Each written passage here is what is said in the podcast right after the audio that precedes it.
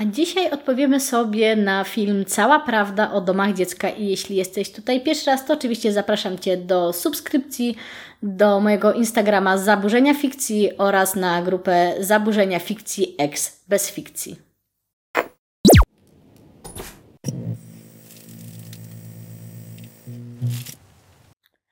Pozwólcie, że zapowiadając o czym będę rozmawiać w tym materiale, przeczytam Wam opis tego filmu na kanale Cała Prawda.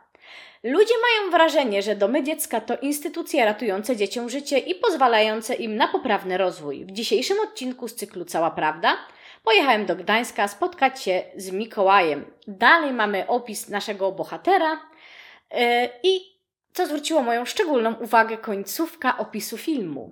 Jaki jest dom dziecka? Jak wygląda codzienność dzieci? Jak są traktowane? Nie te wszystkie, na te wszystkie pytania znajdziecie odpowiedź w dzisiejszym odcinku Całej Prawdy. Zapraszam. I kochani, wszystko byłoby dobrze, gdyby nie to, że sam opis filmu i wstęp do filmu sugeruje nam, że poznamy całą prawdę o wszystkich domach dziecka. No to zobaczymy, czy całą. Z wywiadu dowiadujemy się, że Mikołaj, jako że y, był z rodziny przemocowej, a właściwie rodziny, w której pojawiła się przemoc, gdy zabrakło pieniędzy, wychowywał się sam z mamą i bratem wcześniej. Jak sam mówi, była to rodzina bardzo majętna i zgłosił się do placówki, żeby udowodnić swojej mamie, że leży w niej wina z powodu stosowania wobec niego przemocy. E, nie będę tutaj komentowała też e, samej osoby Mikołaja, e, tylko to, co mówi. Więc Mikołaj powiedział, że właśnie zgłosił się do placówki po to, żeby udowodnić swojej mamie, że problem leży w niej. I teraz pozwolę sobie przedstawić fragment, którym jakby zaczyna się, reklamuje się wywiad, bo jest to coś, co się w filmie też już drugi raz później przewija. Autoagresja, tam się dzieci tną po prostu, nieważne czy ma 12 czy 17 lat. No, cięcie, nie? Ty też to robiłeś? Tak. A więc w placówce wszy, wszyscy, wszyscy się tną. O tym porozmawiamy w sumie za chwilę. Jakiś czas temu napisał do mnie Mikołaj, który trafił do domu dziecka. No i no, według większości ludzi te domy dziecka no to są takie bardzo pozytywne, bardzo dobre instytucje, które pomagają tym dzieciom w trudnej sytuacji życiowej, dbają o ich poprawny rozwój. No ale to, co napisał mi Mikołaj, no zdaje się totalnie temu przeczyć. Ze wstępnych rozmów powiedział mi on, że w domach dziecka występuje przemoc fizyczna, przemoc psychiczna i nawet czasami te dzieci są wykorzystywane na różne sposoby. Wszyscy mamy pozytywny obraz domów dziecka, tylko dlaczego ja w swojej pracy zawodowej, nawet w pracy zawodowej słyszałam na co dzień, że ojeju, ale wszystko by nie oddać go do tego złego domu dziecka. Gdzie, gdzie ten pozytywny PR? Ale, ale czekajcie, czekajcie, z wywiadów dowiem się całej prawdy o tej placówce, czyli pożegnamy kilka lat mojej pracy nad tym, żeby powiedzieć ludziom, wiecie, że czasami naprawdę dom dziecka jest dużo lepszym rozwiązaniem niż rodzinny dom, bo nie wiem, czy wiecie, ale obecnie w domach dziecka bardzo rzadko przybywają sieroty. Ja wiem, że tak sobie wyobrażamy dom dziecka, nie? Że, że jest sierotka i w ogóle. Nie, nie, nie. Do placówek opiekuńczo-wychowawczych, bo tak zazwyczaj teraz się mówi o domach dziecka, chociaż mamy też coś takiego jak rodzinne domy dziecka, czy rodziny zastępcze oczywiście. E, trafiają zazwyczaj osoby ze środowisk e, co najmniej zdemoralizowanych, bardzo często z rodzin patologicznych. I kiedy mówię rodzin patologicznych, to nie mam na myśli tego, co powszechnie się używa, żeby komuś dowalić. Mówię tu o dzieciach, które przychodzą i w wieku 8 lat nie potrafią mówić. Mówię tu o dzieciach bitych, mówię tu o dzieciach molestowanych, mówię tutaj o dzieciach, które niosą na sobie większe brzemię niż niejeden dorosły. Mówię tu o dzieciach niedożywionych, bo o jedzeniu też w tym odcinku będziemy później rozmawiać, ale bardzo często taki ciekawy efekt z domów dziecka jest taki, że przychodzi dziecko do placówki i dwa miesiące później wszyscy mówią, hmm, przytył, tak, bo zaczął regularnie spożywać posiłki. Nie obijając bawełnę, chciałbym zacząć od tych najgrubszych spraw, czyli no, streść nam, co tam się w ogóle wyprawia. Autor zaczyna wywiad od słów, co tam się w ogóle wyprawia? W sensie, hej, hej, hej, hej. Znaczy, Panie prowadzący, czy prowadzący, jeśli mogę mówić na ty, to to, to nie jest neutralny poziom pytania. W sensie, jeśli chcesz przeprowadzić w miarę jakiś taki obiektywnie rzetelny wywiad, nie zaczynasz do nastolatka mówić od słów, ej, co tam się w ogóle wyprawia? Bo on już będzie miał bardzo konkretne nastawienie w temacie. Co tam się dzieje, albo właściwie, nie wiem, ja zaczęłabym. Słuchaj, Mikołaj, powiedz mi, co działo się w placówce, w której żyłeś? Żyjesz, na przykład. Przepraszam, to nie mój wywiad, ale co tam się w ogóle wyprawia? Seriously? Dla mnie to jest szok, ponieważ oni mają tyle pieniędzy, bo wszedłem kiedyś w raporty, ile dostają, Mhm. ile im finansują, jakby temu domu dziecka i różne instytucje i ta fundacja. I oni mają na to pieniądze. Ale uważaj. Okazało się, że tak mnie zastanawiało, dlaczego oni tak oszczędzają cały rok na jedzeniu, na wszystkim. Okazało się, że to, co zaoszczędzą przez cały rok na dzieciach, Mhm. idzie do podziału między pracownikami w grudniu.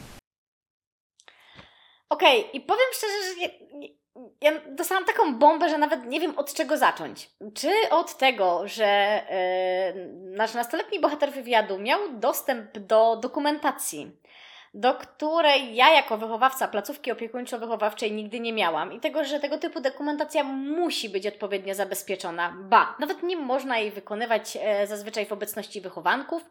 I nie wiem, czy wiecie, jak zbudowane są e, placówki opiekuńczo-wychowawcze, bo też pewnie kojarzycie z wielkimi molochami i tymi, wiecie, zakonnicami jak z Madeleine. E, To nie tak wygląda. E, Obecnie placówki opiekuńczo-wychowawcze są podzielone na system domkowy lub system mieszkaniowy, czyli jest to albo mieszkanie, albo odpowiednio e, w tym celu jakby skonstruowany domek. Taki nieduży, chociaż też różnie to bywa. No i w takich placówkach mamy od 8 do 12 wychowanków. Te, te, te grupy mogą być różne, tak? To jest jakby system, gdzie gdzieś tam mamy organ zewnętrzny, gdzie jest dyrekcja. I są właśnie te mieszkania lub domki. I tak, tego typu dokumentacja zazwyczaj nie powinna być przechowywana w mieszkaniu wychowawczym, tylko zazwyczaj znajduje się w biurach, które bardzo często mieszczą się w innym budynku. Ja nie mam stuprocentowej pewności, jak wyglądało to w, tym konkre- w tej konkretnej placówce. E, Co jeszcze? Mówimy o żywieniu. I okej, e, ja pracowałam w placówce, która bezpośrednio podlegała miastu, aczkolwiek nawet te e, placówki opiekuńczo-wychowawcze, które są założone przez fundacje, tudzież stowarzyszenia, już troszeczkę rzadziej obecnie, ale często zdarzają się te fundacyjne, one też są kontrolowane przez miasto i urząd wojewódzki, ponieważ podlegają tymże organom. Więc jeśli mówimy o żywności, na żywność trzeba mieć fakturę. Co lepsze, w placówkach opiekuńczo-wychowawczych są najbardziej skomplikowane typu faktur żywnościowych. Naprawdę. I uwierzcie mi, te przepisy weszły, o ile się nie mylę, w 2017 roku. I tak, pamiętam, ile było zachodu z lataniem po odpowiednio skrojoną pod naszą placówkę fakturę. I z tym kłopotali się wszyscy wychowawcy placówek opiekuńczo-wychowawczych. Co jeszcze? Najbardziej spodobało mi się to soczyste mięsko, że wychowawcy rozdzielali kasę między siebie z tego, czego nie dali zjeść dzieciom. Seriously? W sensie, ja przepraszam bardzo, ale gdzie moje pieniądze za jedzenie? Ja przypominam, nawet jeśli byłyby lewe faktury, nawet jeśli wychowawcy dzieliliby między sobą pieniądze, to naprawdę robiliby to przy dzieciach? W sensie tak, żeby się o tym dowiedziały, bo uwierzcie, że Anegdota. Anegdota z placówki, w której pracowałam. Jeden z wychowanków, chcąc się zemścić na wychowawczyni, powiedział, że ona kradnie mleko z placówki. Znaczy, pomijając, że były tam cenniejsze rzeczy, żeby kraść, to problem był inny. My naprawdę mieliśmy okazję kraść tak, żeby nikt tego nie widział. I nie mówię, że ktokolwiek to robił, bo ja sobie nie przypominam, żebym kiedykolwiek coś ukradła w tej pracy. E, Ale wiecie, to naprawdę dałoby się tak zrobić, że on by nic nie wiedział, więc czemu miałaby kraść przy nim, albo tak, żeby dać się złapać, bo przypomnę Wam, jeśli tego nie wiecie, że wychowawcy pracują zarówno dzie- w dzień, jak i w noc, a w nocy wychowankowie śpią i wychowawcy sprawdzają ich pokoje, między innymi, żeby sprawdzić, czy nic niepokojącego się w placówce w danym momencie nie dzieje. W ogóle jeśli chodzi o kwestie związane z jedzeniem, to tak jak już powiedziałam na samym początku, e, no ja nie spotkałam się z tym, żeby dzieci w placówce chodziły głodne. Znaczy były takie, które były wiecznie głodne i wiecznie chciały jeść. E, No i mogły, ponieważ pomijając podstawowe posiłki, e, jak najbardziej mogły korzystać z lodówki, mogły brać owoce, mogły e, robić coś z nami. Bardzo często piekliśmy, zresztą ja miałam cudowne dzieci w placówce, w której pracowałam, więc jak tylko brałam się za pieczenie, to jakby oni podchodzili i robili to za mnie, więc hej, da się. I naprawdę opatentowaliśmy sobie kilka słodkich przepisów. Potem się musiałam odchudzać. Y, Tutaj też były sytuacje, oni tak oszczędzają, jak już Ci powiedziałem, że czasami braknie podstawowych produktów, w sensie czasami nie ma masła, dosyć często nie ma papieru toaletowego, sobie wyobrażasz? Y, Nie ma się jakby, no nie ma się po prostu, nie można się załatwić, bo nie ma papieru, Mhm. nie ma szamponów, nie ma, y, nie ma proszku do prania, nie może być prania, bo oni oszczędzają jak tylko można i No. czekają, jakby czekają tylko na dary, że ktoś coś przyniesie, bo ludzie przy, przynoszą jakieś ciuchy, jakieś tam No. kroszki i tak dalej. Oni tylko na to czekają, aż ktoś coś przywiezie. I tutaj mamy mowę o budżecie na chemię. No i tak, budżet na jedzenie w takich placówkach opiekuńczo-wychowawczych, również też dziennego pobytu jest zazwyczaj większy niż na chemię. Z tym zawsze jest problem i zawsze są kombinacje. I fajnie, kiedy w takiej placówce pojawia się sponsor. I fakt, w placówce, o której mówi Mikołaj, e, z tego co zdążyłam się zorientować, tych sponsorów było trochę. Ja pracowałam w troszeczkę mniej dofinansowanej placówce, ale powiem Wam szczerze, że środków czystości nie zabrakło Nigdy. W sensie dzieci zawsze miały się czym umyć, miały czym umyć zęby. Mieliśmy nawet wychowanka, który miał szczoteczkę elektryczną. W sensie mówię o tym dlatego, że u niego była taka potrzeba i nie wszyscy wychowankowie mieli szczoteczki elektryczne. Ale tak, nawet na to w biednej, powiedziałabym, placówce budżet się znalazł. E, Co istotne, ja też nie mam elektrycznej szczoteczki, więc nie wiem, czy jest to jakaś konieczność. E, Jeśli chodzi o produkty do mycia, naprawdę było ich wręcz często za dużo i zdarzało mi się słyszeć od wychowanków, że nie taki, że oni to by chcieli lepszy, droższy, bardziej fancy. No okej, nie, nie zawsze można było sobie na to pozwolić, aczkolwiek, nie wiem, żele z Adidasa dla chłopaków to, to chyba nie jest jakby najgorszy poziom, przynajmniej w mojej opinii.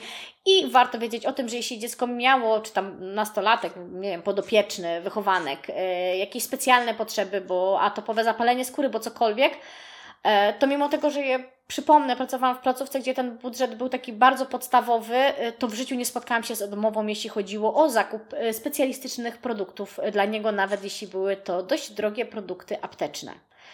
W sumie niektórzy wychowankowie mieli droższe maści niż ja sobie mogę pozwolić. kieszonkowe. Właśnie wiele tych dzieci no, nie ma dostępu jakiegoś takiego źródła, z, dzięki któremu mogłoby się utrzymać, nie? No czyli no, dom dziecka musi utrzymać to dziecko. No i jak to wygląda? Jaki jest mechanizm tego? Wiesz co, to jest tak, że każde dziecko dostaje, niezależnie od wieku, sześciolatka dostanie tyle samo co ja, 40 zł, tak? Na Na ile? miesiąc. Na, jak to? 40 zł na miesiąc? Moi drodzy, temat kieszonkowego. Znaczy, ja powiem tak. E, Placówka, w której ja pracowałam, miała e, jeszcze mniejszą stawkę kieszonkowego, e, plus tam jakiś lekki dodatek motywacyjny. Co lepsze, spotkałam się ze słowami wychowanka, a bo w Katowicach ciocia to mają więcej. Ano, mieli, ale cóż ci mogę powiedzieć. E, Jeśli chodzi o te kwestie, to mimo, że dzieci mieszkające w mojej placówce miały naprawdę dostęp do słodyczy i głodne nie chodziły, to pierwsze co robiły, kiedy dostawały kieszonkowe, to były lody, kebab, słodycze i hej, no po prostu tak było. A nie przypominam sobie, żebym zabierała im ich słodycze albo zjadała wręcz inaczej. To oni przychodzili i częstowali. Ba, ciekawa historia. Jeden z moich wychowanków, e, kiedy w szkole e, była zbiórka dla bezdomnych, czy tam jakiejś grupy wsparcia, e, pani wychowawczyni poprosiła, żeby przynieśli jakieś przeprawy, cokolwiek. Mimo, że powiedzieli mu, słuchaj, damy ci, mamy tu w placówce, mamy zapas takich przypraw, takich makaronów, to zrobimy paczkę, nie? To nie. On y, był honorowy, on musi kupić za swoje. I to było, to naprawdę łapało za serce, tak? Więc mimo, że mieli, to potrafili się dzielić. Y, z kolei inna historia. Mm, byłam też wychowawcą na koloniach, gdzie były dzieci z różnych placówek opiekuńczo-wychowawczych i miała świetną podopieczną y, z rodzinnego domu dziecka i warunki tam miała naprawdę świetne, ale ona mówi, wie Pani, co ja robię? Bo ja podeszłam na tym festynie do Pana i ja powiedziałam, że jestem biednym dzieckiem z domu dziecka i dostałam kiełbaskę za darmo. Tak, serio. Nawet najcudowniejsze, najsłodsze dzieci z placówki potrafią manipulować, bo musiały kiedyś nauczyć się sobie radzić w życiu, więc trochę z tym walczyliśmy, a trochę trzeba było się pogodzić z tym, że jest to jakaś forma mechanizmu obronnego. W wywiadzie pojawia się też niestety temat przemocy, która miała być stosowana wobec wychowanków tejże placówki i ja powiem szczerze, że nie jestem w stanie Wam powiedzieć, czy znaczy, ja nie chcę tutaj zaprzeczać temu. Ja mam nadzieję, że jeśli do takowej przemocy dochodziło, to oczywiście została ona zgłoszona do odpowiednich organów. Jeśli chodzi o fragmenty nagrań, które mieliśmy okazję usłyszeć, e, cóż mogę Wam powiedzieć? E, ja nie jestem w stanie w 100% w nie uwierzyć, ponieważ jeśli rozmawiacie z dziećmi z wszelakich typów placówek, one są w stanie łatwo dać się powiedzmy, zmanipulować do powiedzenia tego, co chcesz usłyszeć. Czyli jak mówicie do sześciolatka, który trochę chce zabłysnąć, no bili cię, nie? Bili cię. Pamiętasz, jak ciocia ci coś tam zabrała? To oni ci powiedzą, że tak. E, z kolei znam troszeczkę odwrotną sytuację, na przykład z placówki, w której ja pracowałam, byłam świadkiem, jak trzyletnia dziewczynka uderzyła koordynatora, e, który ze mną pracował, w twarz. I zrobiła to nie raz i nie dwa, i było to bolesne i uwierzcie mi, że nikt temu dziecku nie oddał. Chociaż y, czasami mamy nawet taki odruch, w sensie to, to, to było solidne i bolesne. Ja też przez jednego podobiecznego, y, jeszcze w wcześniejszej pracy w placówce dziennej pomocy, kiedy pomagałam asystentowi rodziny, zostałam przez y, trzy latka ugryziona tak, że miałam ogromnego krwiaka na pół uda, a uwierzcie, udo mam spore, naprawdę. I tak, bolało. I tak, usłyszałam od y, jednej psycholog, y, to przecież mogłaś mu oddać. Jakiś znany youtuber chyba nagrał taki piękny materiał w domu dziecka, jak to tam dobrze jest, jakie to są super ludzie, super organizacje, które ratują te dzieci. Wiesz co, u nas też przyszedł, przyszła jakaś taka pani z panem, co też nagrywali dzieci, nie? Mhm. Tam taki wywiad, nie? Mhm. Chwilę przed ich przyjściem spróbuj coś powiedzieć złego spróbuj coś powiedzieć, tylko wiesz, ubrali ich w jakiś tam Tommy Hilfiger, żeby nie było, nie? Tak, gdzie normalnie w takich rzeczach nie chodzą, nie? To ich ubrali, wiesz, y, wy zrobili, taka szopka, wiesz? I okej. Okay. Mamy tu nagranie z placówki dla jakiejś tam instytucji. Dzieci zostały wystrojone, ładnie ubrane. Koordynator pilnował, żeby dzieci nic cudzysłów nie palnęły. E, jakby Wam to powiedzieć. Inny przykład. E, pracowałam w domu wsparcia, e, w domu dziennego pobytu osób starszych, gdzie w pewnym momencie miała przyjechać delegacja ze Szwecji. E, szanowny pan dyrektor wygnał naszych emerytów do domu tego dnia, urządził wielką imbę, wszyscy odstrzeleni w garniturach, ja to w kietce, jak wiecie, na niejedno wesele się nawet nie chodzi, wymalowane, wystrojone, piękny obiadek z rutututu, wytłumaczenie, że e, nasi emeryci z okazji e, wtedy barburki e, jakby świętują. No akurat była faktycznie wtedy barburka, więc był argument do wykorzystania. No i Szwedzi E, wyciągniętych swetrach, yy, sneakersach, w sensie butach, nie, batonach i w ogóle ubrani tak totalnie na luzie, nie? I pamiętam ten kontrast. Oni chcieli zobaczyć naszą pracę, tych ludzi, to jak wygląda ta terapia zajęciowa, arteterapia, a, a polska imba kazała im pokazać, jest cudownie, jest pięknie. Ja się nie dziwię, że na różne okazje yy, dyrektorzy, opiekuni placówek chcą, żeby to wyglądało dobrze. E, czy tam w grę wchodziły ciuchy w Hilfingera? No, ja, ja nie wnikam w naszej placówce, takich nie było, ale tak, jak była jakaś okazja, to dzieci się ubierały ładnie. Dziwne, co nie? No i po tym wszystkim postanowiłem, chciałem jej udowodnić, że ona jest złą matką, że źle mnie traktuje. Ona tego nie widziała, chociaż i to parę osób mówiło i tłumaczyło. Więc postanowiłem się zgłosić do domu dziecka, wiesz? W sensie napisałem tam do sądu, czy tam taki kurator sądowej, żeby mnie zabrała, nie?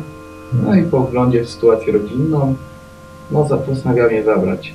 No niestety moja mama do dzisiaj nie widzi w sobie żadnej winy. I troszeczkę przerażają mnie słowa chciałem jej udowodnić, bo jakby ja też miałam e, w swojej, w swojej karierze zawodowej, bo co prawda pracowałam w jednej placówce opiekuńczo-wychowawczej, ale wolontariacko miałam do czynienia z kilkoma. E, nigdy nie usłyszałam takich słów od wychowanków. Zazwyczaj e, bardzo, bardzo często albo bronili rodziców, albo jeśli faktycznie był taki otwarty, że tak powiem, konflikt między e, rodzicem a jego dzieckiem, to raczej padały słowa, że no już nie mogłam wytrzymać z mamą, albo e, no innego typu słowa. Oczywiście padało też często wybielanie albo bronienie rodziców, co jest też takim dość e, naturalnym mechanizmem. Nigdy nie usłyszałam słów chciałem, chciałam jej coś udowodnić, bo albo te dzieci, ta młodzież była bardzo za rodzicami, albo była w konflikcie i mówiła po prostu, no nie mogłam z mamą wytrzymać. E, Te słowa na, naprawdę mają inne znaczenie. Jeśli chodzi o samo dostanie się do placówki opiekuńczo-wychowawczej, to można się dostać na różny sposób, bo jeśli rodzina jest objęta opieką pomocy społecznej, opieką kuratora, to oczywiście jak najbardziej może być to ta droga. Możecie też się zgłosić do swojego pedagoga lub psychologa szkolnego i on powinien w tym momencie zadzwonić na policję i jak najbardziej możecie tego samego dnia praktycznie yy, w cudzysłowie z buta trafić do placówki opiekuńczo-wychowawczej, kiedy zgłaszacie, że w domu są nieprawidłowości. Możecie też bezpośrednio do takiej placówki w swoim mieście się udać i po rozmowie możecie być do niej przyjęci. Możecie też z powodu braku miejsc być przyjęci do innej placówki, ponieważ zdarzyło się nam, że na przykład przyszła wychowanka do placówki opiekuńczo-wychowawczej i chciała się dostać do tej konkretnej, ponieważ była tam jej koleżanka, kuzynka, siostra, y, ktokolwiek. Tylko na przykład nie do końca sobie wyliczyła, że e, są różne mieszkania wychowawcze i może trafić do zupełnie innego mieszkania wychowawczego. Lub zdarzało się też, że wychowanek e, czy tam podopieczny zgłaszał się do placówki opiekuńczo-wychowawczej, ale zrezygnował po rozmowie z wychowawcą, czy tam z dyrektorem, czy z kimkolwiek miał okazję na pierwszy rzut rozmawiać, lub yy, w trakcie pobytu też jeśli była wola obu stron, to po decyzji sądu do takiego domu można było powrócić. To nie jest tak, że jeśli pójdziecie raz do placówki opiekuńczo-wychowawczej, nigdy nie możecie z niej wyjść. Dlatego mnie tutaj zastanawia, bo nie wiem, czy w tym konkretnym fragmencie, ale na pewno y, Mikołaj wspomina swojego ojca, dlaczego gdzieś tam nie było starań ze strony ojca, żeby zamieszkał on y, w danym momencie u niego. Możecie też trafić pod y, rodzinę zastępczą. Najłatwiej jest trafić do rodziny zastępczej kogoś z rodziny, czyli jeśli wasza ciotka, babcia, wujek y, zgłosi się, że chce być dla was rodziną zastępczą, to jeśli spełni konkretne wymagania sądu, y, jest to dużo łatwiejsze niż trafienie do zewnętrznej rodziny zastępczej. To też ma swoje problemy, ale o tym kiedyś nakręcę osobny odcinek. Ty też to robiłeś? Tak. Okej. Po tym jak tam trafiłeś, czy już wcześniej? E, Po tym jak tam Jeśli mowa o samookaleczeniach, e, skłamałabym Was mówiąc, że dzieci w placówkach opiekuńczo-wychowawczych e, nie okaleczają się nigdy. Ale moment pojawienia się, rozpoczęcia samookaleczenia mm, nie oznacza, że w tym momencie pojawił się problem. Zazwyczaj jest to y, forma radzenia sobie ze stresem. Oczywiście ona nie jest konstruktywna, ale bardzo często młode osoby, które wychodzą z bardzo trudnych sytuacji, trafienie do placówki też jest trudne, bo jest to ogromna zmiana w życiu. Y, Często jest to pojawienie się reguł, których wcześniej w życiu po prostu mogło nie być. E, No i niestety znajdują taką formę ujścia emocji. Jeśli chodzi o moją pracę zawodową i placówkę, w której na przykład pracowałam e, ponad półtorej roku, to jeśli chodzi o samookaleczenie, spotkałam się z tym u dwu, dwu, dwój, dwójki wychowanków, z czego tak naprawdę no, jedna wychowanka faktycznie sama okaleczała się już wcześniej, okaleczała się również w placówce i, i, i miała pewne problemy, z, z którymi nie umiała sobie poradzić, więc w ten sposób znalazła ujście tych emocji. A kolejna to no niestety była to metoda, której się tak powiedzmy cudzysłów od niej nauczyła i niestety często tego dochodzi, czyli kiedy jeden z wychowanków w ten sposób radzi sobie ze stresem, kolejni y, uczą się tego od niego, ale czy nazwałabym to standardem? No niekoniecznie. Po pierwsze zdarzały się placówki, gdzie w ogóle, y, czy placówki, czy tam mieszkania wychowawcze, gdzie w ogóle takiej sytuacji nie dochodziły, nie dochodziło lub doszło incydentalnie, tylko że incydentalnie też bardzo często dochodzi do tego gdzieś tam w domach, gdzie nawet po prostu nie mamy o tym zielonego pojęcia, więc ja nie mówiłabym, że w każdej placówce wszystkie dzieci na 100% y, się y, tną. Y, I kiedy pojawia się te, tego typu mechanizm, należy zareagować. Zazwyczaj e, próbuje się oczywiście dostać na terapię. Nie wiem, czy wiecie, w Polsce no niestety opieka psychologiczno-pedagogiczna dla dzieci no, leży i kwiczy za przeproszeniem, ale uwierzcie mi, że jeśli dziecko jest z placówki wychowawczej, dużo łatwiej dostać się na dobrą terapię. I no tak, niestety tak to funkcjonuje, że tym placówkom łatwiej jest dostać się do tych instytucji. Niestety, psy, psychiatrów i psychologów dziecięcych e, ciągle nam brakuje. Także jeśli się zastanawiacie nad specjalizacją na medycynie, to tak tylko bym prosiła, im więcej psychiatrów dziecięcych, tym lepiej. Dzisiaj, no i już dzisiaj już tego nie robię, ale wtedy no po prostu wystarczy jedno cięcie i po prostu przyjeżdża karetka i cię zabierają do psychiatryka. Nie ma, że tam rozmowa, a dlaczego to zrobiłeś? Jak ci mogę pomóc? Od razu. Karetka, już dzwonię, no i koniec. I tam w ogóle jest ciągle tylko ciągle jest straszenie tą karetką, karetką, karetką. Po prostu najprościej wysłać dziecko gdzieś tam do psychiatryka, ma się spokój, nie? Mhm. Ale tam jakby próbowali dojść do tego źródła, jakby opowiedziałaś o tym, co mogło wpłynąć, jak wygląda Wiesz twoje co, tam nie ma, to się tak wydaje, że psychiatryczny, że tam się są terapie. No, gówno prawda. Tam nie ma żadnych terapii. Po prostu jest taka przechowywalnia dla tych, co, żeby się, nie- żeby się ktoś nie zabił, żeby go pilnować. Takie bezpieczniejsze warunki. Tak, ale tam, żeby tak się pójść leczyć, to nie, nie. Tam nie ma takich. Ale wspomniałeś, że poszedłeś prywatnie na psychoterapię. Poszedłem, e, mój tata mi opłaca. Najłatwiej wysłać dziecko do psychiatryka. Otóż tak, a właściwie nie. Bo po pierwsze, e, w jakich sytuacjach e, wysyła się dziecko do psychiatryka? Ano, moi drodzy, w placówkach opiekuńczo-wychowawczych e, istnieje i pokutuje coś takiego, co nazywamy procedurami. I tak, jeśli dochodzi do samookleczenia, zagrożenia e, próbą samobójczą lub grożenia przez wychowanka, że takową próbę popełni, mamy obowiązek, obowiązek wezwać pogotowie. I czy jest to łatwe? No, powiedziałabym, że nie bardzo, ponieważ jeśli wzywamy pogotowie do e, takiego wychowanka psychiatrycznego, jego opiekun prawny bardzo często e, musi wyrazić zgodę, aby do takiej e, placówki on trafił, więc musi się w placówce pojawić. Zdarzało się, że wzywało się o pierwszej w nocy opiekuna prawnego dziecka, które groziło, że się zabije. E, ja na szczęście, tak, na szczęście uniknęłam takiej sytuacji, nigdy nie musiałam pogotowia wzywać, ale uwierzcie mi, że są fajniejsze rozrywki w tej pracy. Na przykład można film z dziećmi obejrzeć czy coś. Więc y, ja mam nadzieję, że inni wychowawcy też y, tego telefonu nie nadużywają, ale faktycznie dochodzi do takich sytuacji, gdy takie pogotowie trzeba wezwać. No i Mikołaj mówi też, że w psychiatryku, ogóle nie lubię określenia psychiatryk, ponieważ jest to szpital psychiatryczny, są y, specjalne szpitale psychiatryczne dla dzieci i młodzieży i są to bardzo często szpitale y, bardzo fajnie podzielone, bo na przykład my, nasze dzieci trafiały do szpitala diagnostycznego, no i właśnie był miesiąc, że to strasznie długo w ogóle jest. Hej, hej, hej, hej. Długo w takim szpitalu to jest rok, miesiąc, w sytuacji, kiedy doszło do próby samobójczej, albo do mocnego samookoleczenia się, albo do jakichś form gruźb zrobienia sobie lub innym krzywdy. Miesiąc to jest standardowy czas, jaki zajmuje obserwacja e, młodej osoby, szczególnie kiedy nie mówi ona, dlaczego coś zrobiła, albo jest problem z komunikacją, więc.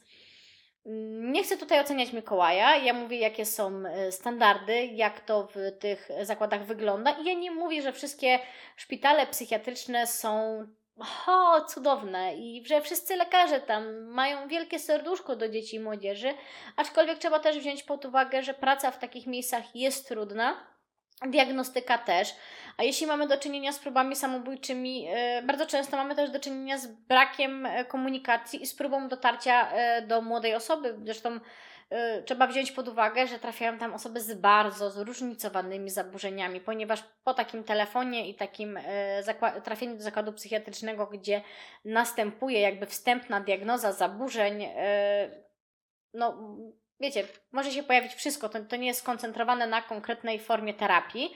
I też pada tutaj zarzut, że w szpitalach psychiatrycznych nie ma terapii.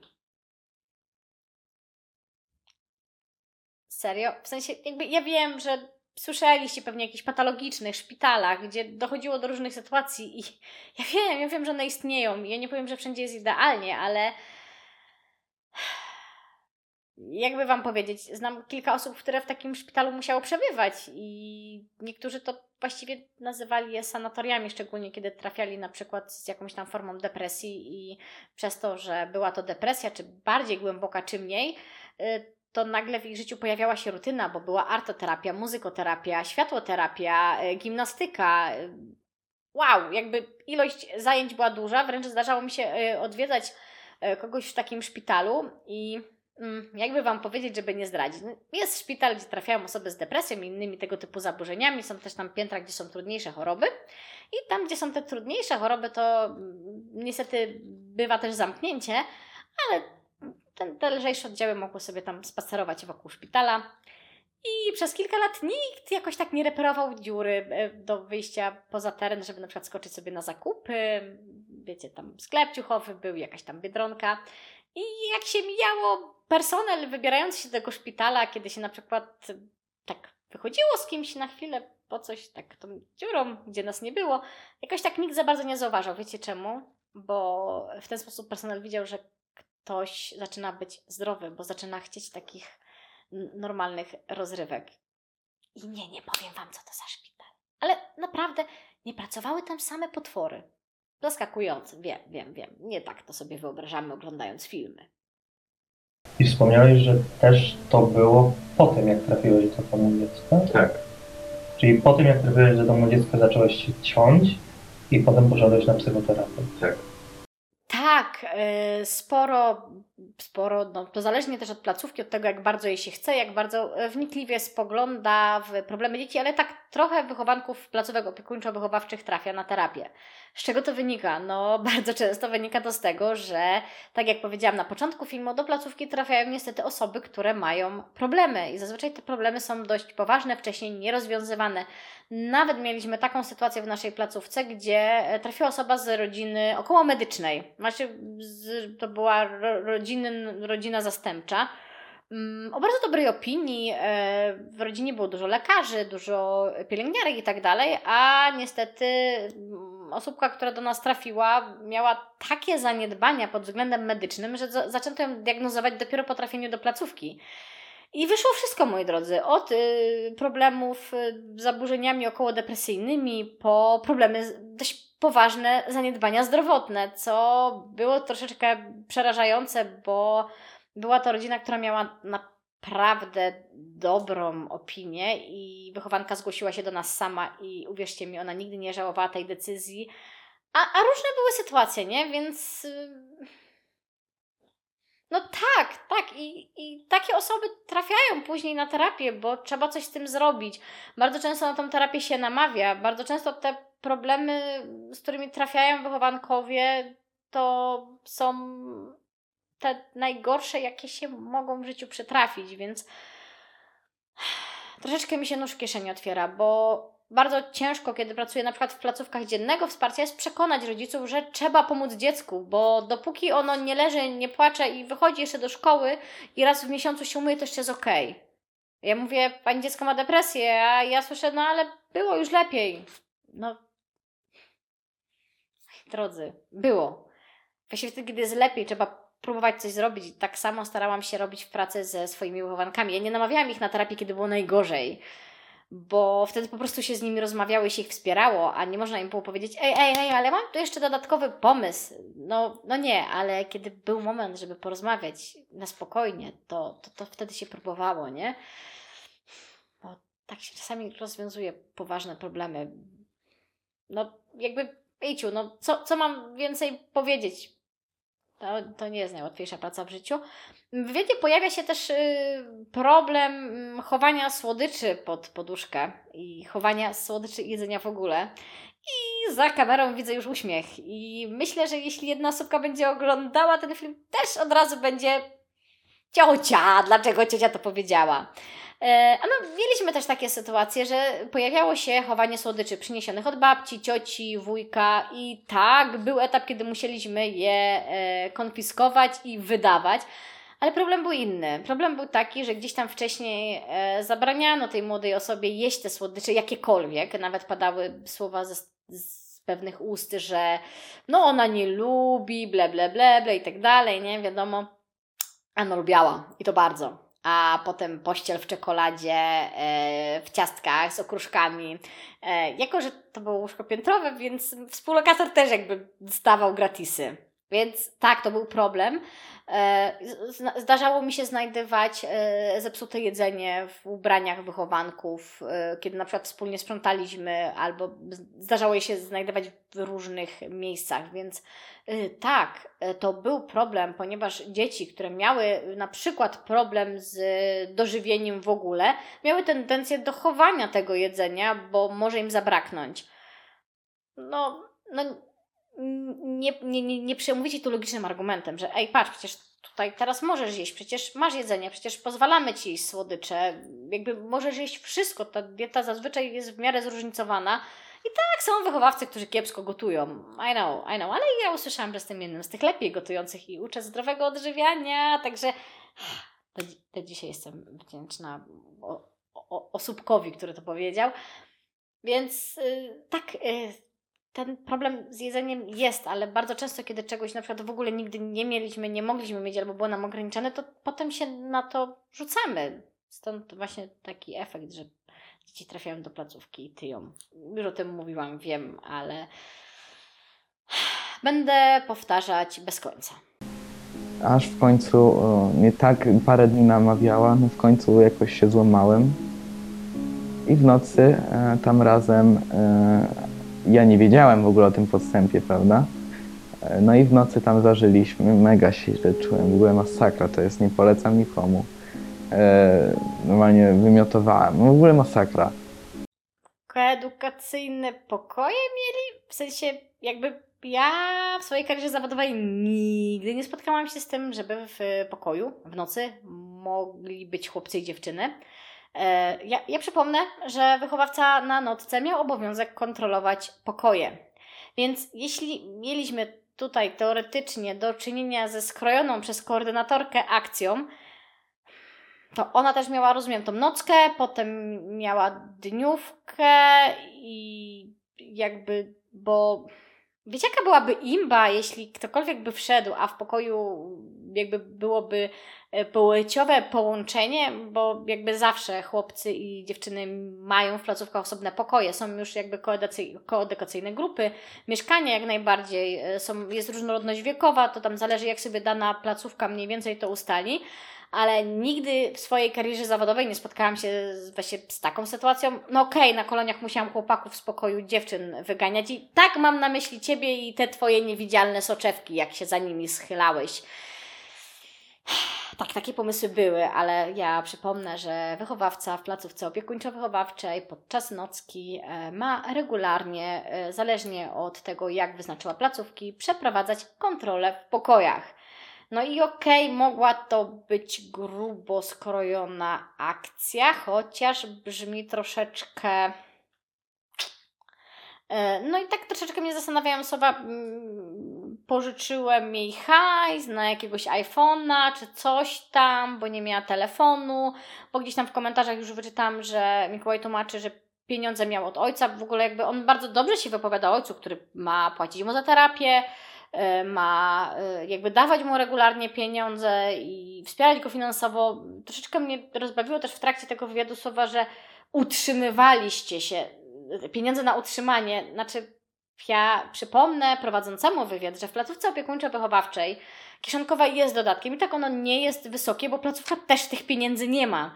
Na wszystko jest wyznaczony konkretny budżet, osobny budżet na jedzenie, osobny budżet na picie, osobny, yy, może przepraszam, nie jedzenie, nie, nie picie, tylko jest osobny budżet na jedzenie i to są faktury żywnościowe. Jest konkretna kwota do wydania, powyżej i poniżej której nie można zejść dosłownie praktycznie co do grosza. Tak samo jest z finansami na chemię. E, Nie wiem, jak obecnie wygląda z pandemią i ze środkami dezynfekującymi. Ze strony placówek wsparcia dziennego to cóż, obowiązek jest, a pieniądze. Domyślcie się, moi drodzy. E, ten budżet jest gdzieś tam sk- skrojony, nie? I to nie jest tak, że ja z pieniędzy na ubrania mogę kupić jedzenie, albo z pieniędzy na jedzenie mogę kupić wychowankom ubrania. Swoją drogą, jeśli chodzi faktycznie o ubrania i takie trochę lepsze kosmetyki, mm, to jeśli faktycznie chcecie zafundować coś jakiejś placówce, dać jakieś prezenty, yy, przesłać, nie wiem, komputery i tak dalej, warto zorientować się, co w danej placówce, czego brakuje, bo są placówki, które regularnie dostają fajniejsze kosmetyki, ich już nie potrzebują, są takie, które dostają ubrania, a co do dawania ubrań, tej dobroczynności i narzekania, że jakby wychowawcy ponoć mieli kraść sobie rzeczy przeznaczone dla wychowanków. Wiecie co? E, niektóre placówki dostają tak dużo, że nie są w stanie tego przerobić i podają to dalej innym placówkom i tak dalej. E, lub e, w jakiś sposób to utylizują. E, zdarza się też, że niejednokrotnie słyszałam od wychowanków, że e, ale tego to ja na siebie nie założę bo ciuchy miały być drogie, miały być fancy i miały być markowe. I tak, są placówki, gdzie wychowankowie ubierają się lepiej i drożej od swoich wychowawców. Bo niby dzisiaj są już wszystkie organizacje Tak, kontrolę, ale to jest fikcja, bo ona się tylko tam, tam się uśmiechnie do tej kontroli i to jest koniec kontroli. Ja znam e, dzieci z innych domów e, i też od pracowników innych domów i różnych instytucji te, pieczy zastępczej ogólnie, e, z różnych jakby, wiesz, no dla niepełnosprawnych, dla norma, normalny dom dziecka, no różne mam, prawda, e, informacje. No i w każdym domu jest to samo, nawet gorzej. No, bo mi się wydaje jednak, że z zewnątrz domy dziecka mają dobry PR, że tak powiem. Ha, przecież jak wejdziecie w ten dom na Facebooka, no to przecież pięknie. Tu uśmiechy, tu atrakcje, tu wycieczka, tu coś. I chciałoby się powiedzieć, na układy nie ma rady, ale moi drodzy, kontrola placówek opiekuńczo-wychowawczych, ja się nie spotkałam z tym, żeby jakakolwiek placówka nie bała się kontroli. I taka kontrola może iść na bardzo wielu gruntach. E, Przede wszystkim możemy być sprawdzani przez miasto, przez Urząd Wojewódzki, przez jakieś tam ważniejsze instytucje, w sensie mam na myśli jeszcze wyższe niż urzędy wojewódzkie. Takie kontrole są bardzo szczegółowe i bardzo skrupulatne.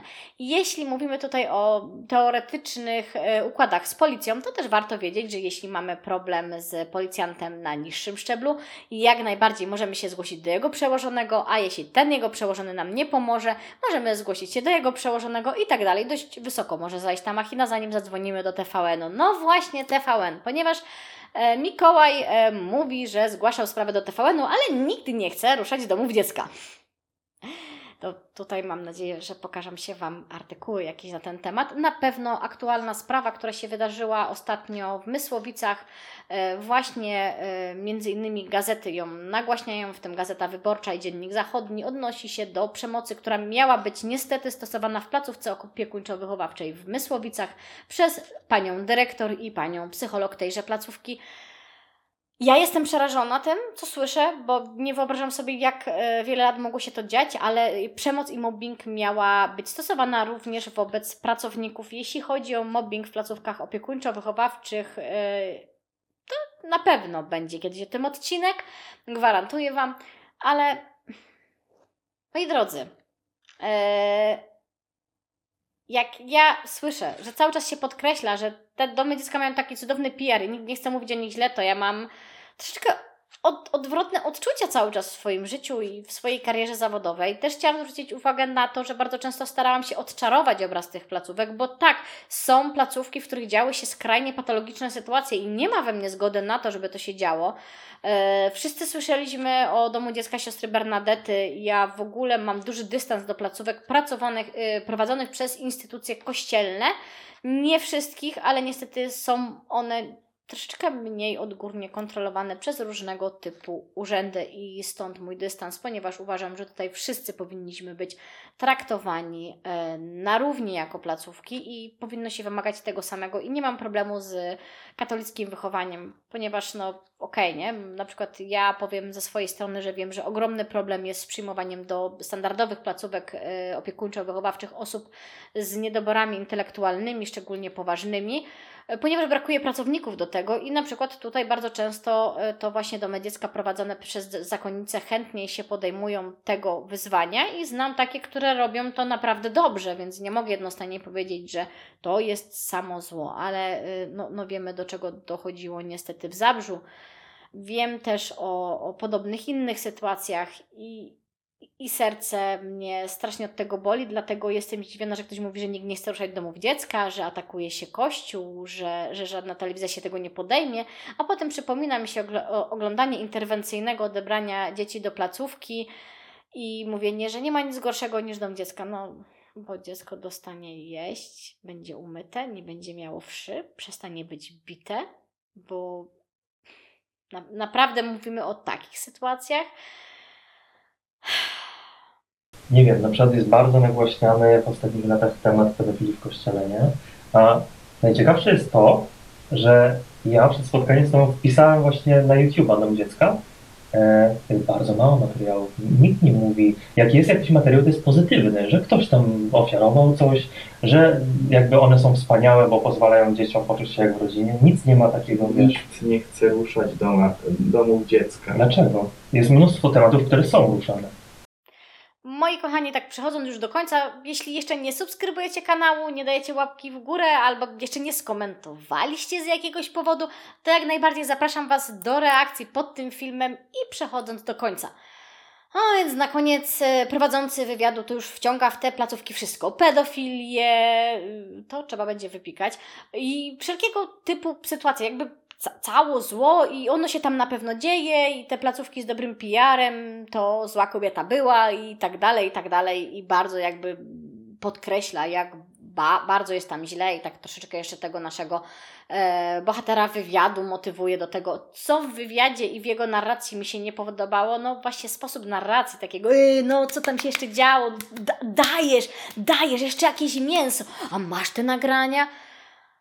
I zero sprawdzenia autentyczności tego, o czym mówi. Jakby zero próby podejścia do drugiej strony, bo jeśli mówię Wam, ja teraz, Beata Babicz, mówię, powiem Wam całą prawdę o placówkach wsparcia dziennego i o domach opiekuńczo-wychowawczych, to chyba powinnam porozmawiać też z drugą stroną, więc ja Wam nie powiem, że powiedziałam Wam całą prawdę. Ja Wam powiedziałam, tak wyglądało to z mojej perspektywy zawodowej, jak to wygląda z moich rozmów z innymi wychowawcami, jak to wyglądało w mojej pracy. Oczywiście, jeśli interesuje Was ten temat, to oczywiście jak najbardziej zgłaszajcie tematy. Jeśli macie jakieś filmy, które chcielibyście w tym temacie zweryfikować, które chcielibyście, żebym omówiła, to też dawajcie znać w komentarzach oraz oczywiście na moim Instagramie możemy poruszać te tematy lub zgłaszajcie się do grupy zaburzenia fikcji, ex bez fikcji. Przypominam Wam, moi drodzy, że jeśli zostawicie właśnie ten komentarz, zapytacie się, ruszycie jakiś temat, podeślecie film, który chcecie, żebym omówiła, to po prostu najprawdopodobniej to zrobię.